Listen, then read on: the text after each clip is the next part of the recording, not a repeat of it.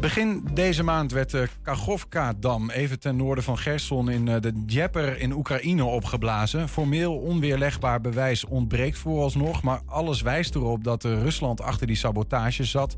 De humanitaire, ecologische en economische gevolgen van de damdoorbraak zijn nauwelijks in te schatten. Aan tafel is Alina Gorban, Oekraïense en afkomstig uit het gebied dat is getroffen door watersnood. En praten met haar verder in English. Alina, welcome. Thank you. Uh, be before we go to the Kakhovka disaster, um, maybe it's, it's, good to know where you're coming from, your own journey. Um, you you evacuated, fleet, fled to the Netherlands. when and where did you come from? I came from Dnipro. Uh, but uh, actually, I was born in Kryvyi Rog. It's the city where I was born. Our president. Mm -hmm. Where is it in Ukraine? Uh, north, west, east. It's the center. In the center. Center. I yes. see. Yeah. And in the morning when the war started, nobody understand what's happening. I wake up because I hear some loud sound. Mm -hmm. it was first bomb and I didn't understand what happened. And I start watching uh, in uh, my phone in work chat what happened, uh, happened, what's going on, and uh, in ten minutes we understand that war is start. Yeah. Uh, and uh, in Ukraine, I work like a journalist, and for sure, I opened my laptop. We started to make news. and for that moment, I was only one journalist for a website, our website, because another journalist uh, had problem with her internet, and it was so much pressure because uh, every minute something everywhere happened, yeah. and you need type, you need to be faster, you need to be first. It was really big pressure for me, and I'm sitting in. Uh, like these two days with laptop, with coffee, stress, nervous, and I'm you were in the actual area that was yes. bombed. Yes, Yeah. yes. It was like uh, 10, 15 kilometers from my house. It was airport. So fr from the one on the other day, you are a war journalist, Yeah. and before that, you were what, what were you writing about? Oh, about Corona. another war, but Yeah. then yeah, on another level. Yeah. Well, and uh, how long is that ago? uh, go what war? Yeah, No, how, uh, when was it that um, uh, you you you fled to the Netherlands? That actually, After uh, I left Ukraine after three days yeah, uh, because I try to understand what I will do. Because if left Ukraine, you need to know where you're going. What will you do? I didn't have friends in another country, and uh, my best friend uh, working in IT company, and her IT company relocates uh, all employers in Poland. And she called me and she said that uh, uh, we have choice that you can stay here with me, and uh, I go in Poland to her. I was there like one month yeah. until her company pay for that apartment. And uh, then we was two days in Germany in serious camp. It was awful. Uh, a lot of strange people, uh, room not clothing, uh, clothing for the locker. Uh, it's called uh, you don't know people, you're in stress, you're afraid what's going on, and nobody speak with you, not on Ukrainian or Russian. They don't speak with you even on English. Why not? Because it's Germany. They can't speak the language. Yeah, some of uh, volunteer, uh, they was I think from Syria. They try speak with you on I. English. Uh, my friend has perfect English, and uh, she tried to ask uh, them some questions. They try answer, it, but she's watching on me and said, "I don't understand. It's not English. I see. So, It's not English." so, so you were in a camp um, in Germany with other refugees Yes. from Syria, from From uh, Syria, from Ukraine, countries. yeah. yeah. I Yeah. see. Uh, how how is that to become a refugee all at once? Ah, it's awful. And if we will, uh, we are speaking about refugee, you know that Ukrainians not refugee. We don't have this mark. We are not a refugee. We have temporary protection Yeah. in European countries. And for me, it's a little bit offended when somebody saying that Ukrainian is refugee because we don't have so much rights like another refugee. Mm-hmm. We are just temporary guests here and nothing more. So you you don't want to be called a refugee, No. and more you want to be called a temporary guest, Yes, meaning one day you will return. because it's true. When war will finish or when uh, Europe will tired from us, we need leave that country. Yeah.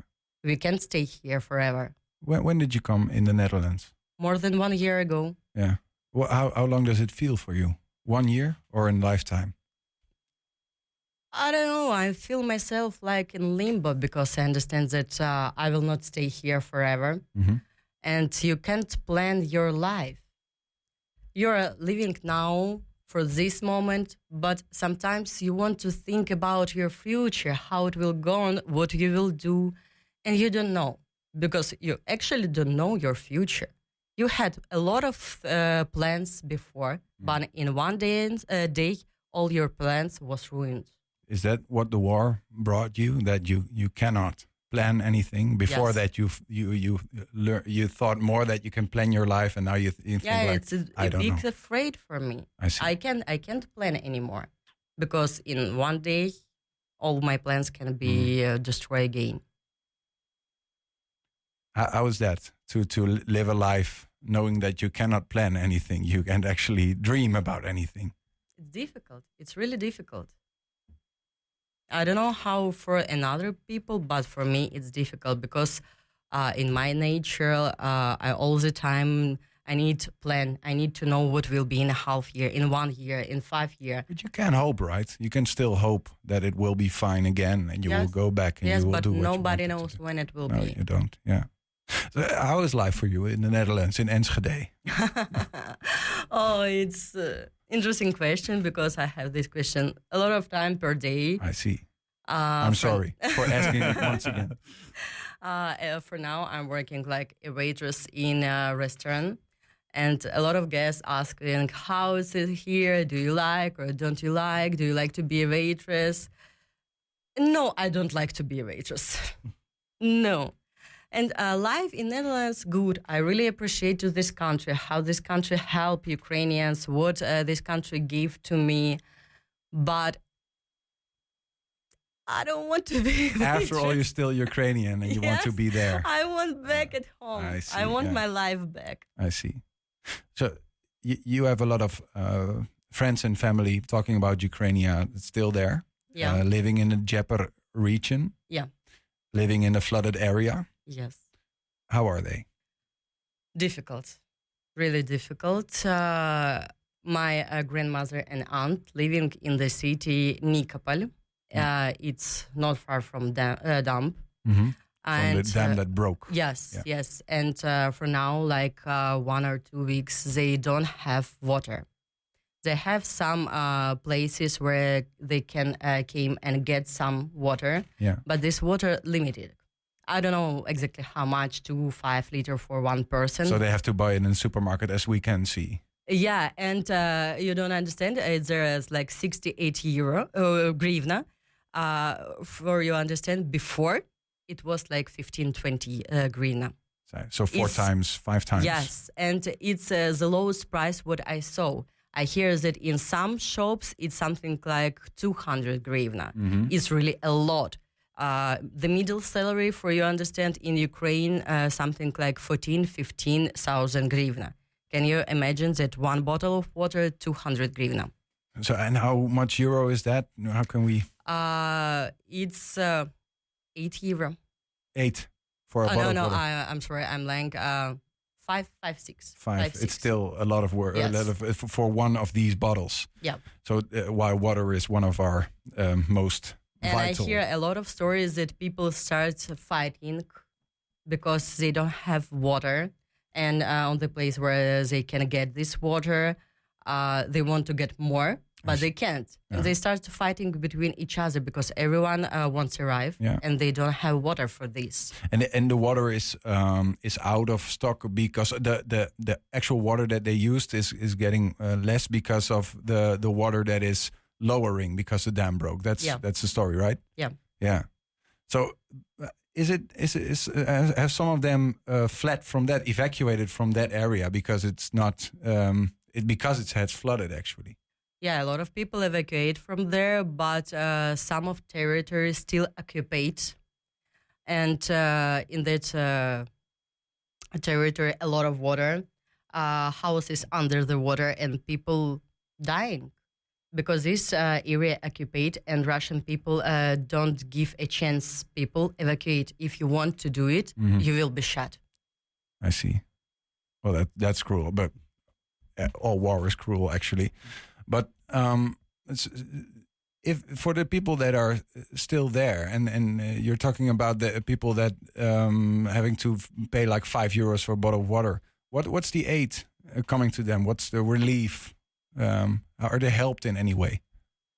I'm not sure exactly I understand the question. Are they are is there any help for people in that region that is um, Uh, yeah, for sure. Ukrainian people help each other. We have a lot of program when uh, you can send money for helping.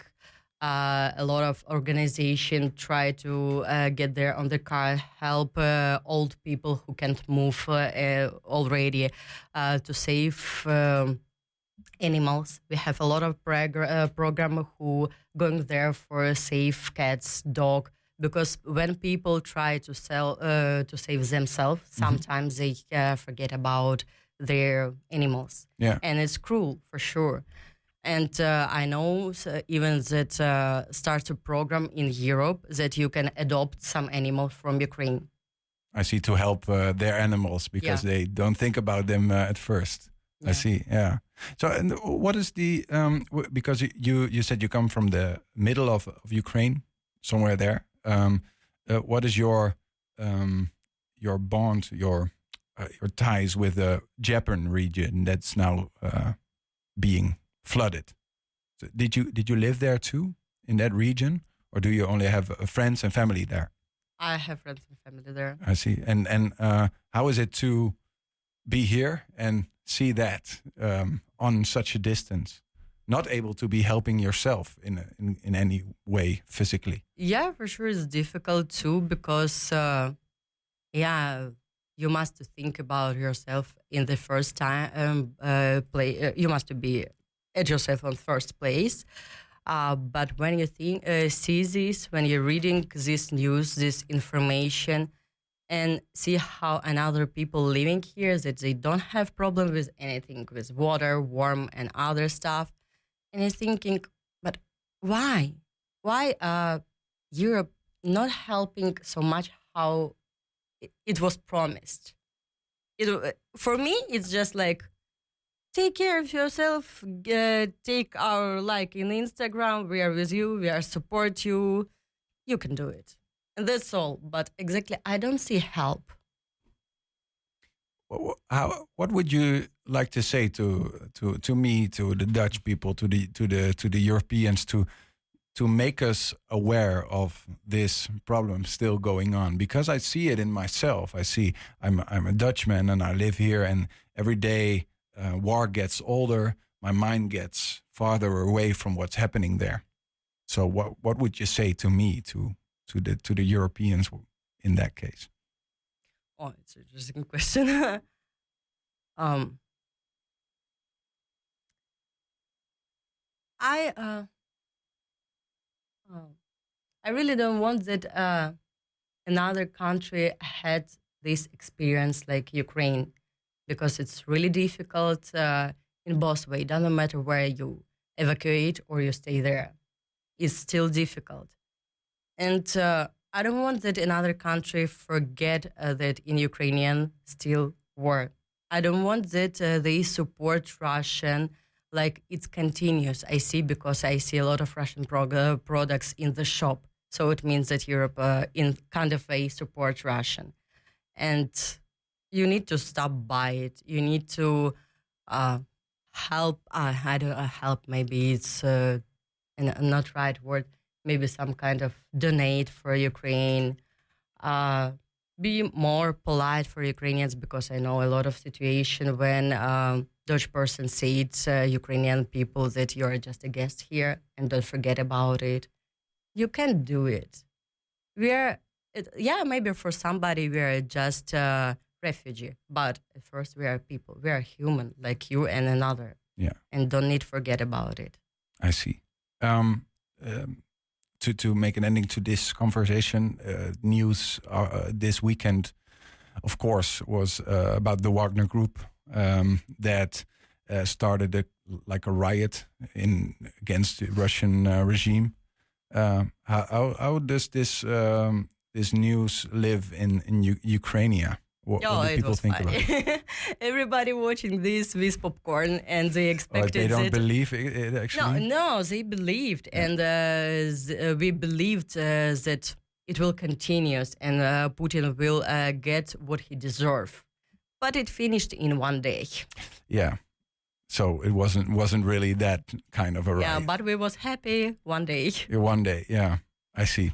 Well, uh, thank you, Elena. Ho- Gorbani. uh, I don't uh, want to say Ukrainian refugee, but just a Ukrainian guest here now. Thank and you. Uh, journalist. I hope for you that you can do journalism um, quickly again in Ukraine and not do the work that you do here. Actually, for now, it's good. But um, thank you so much for being here. Uh, thank you for having me here.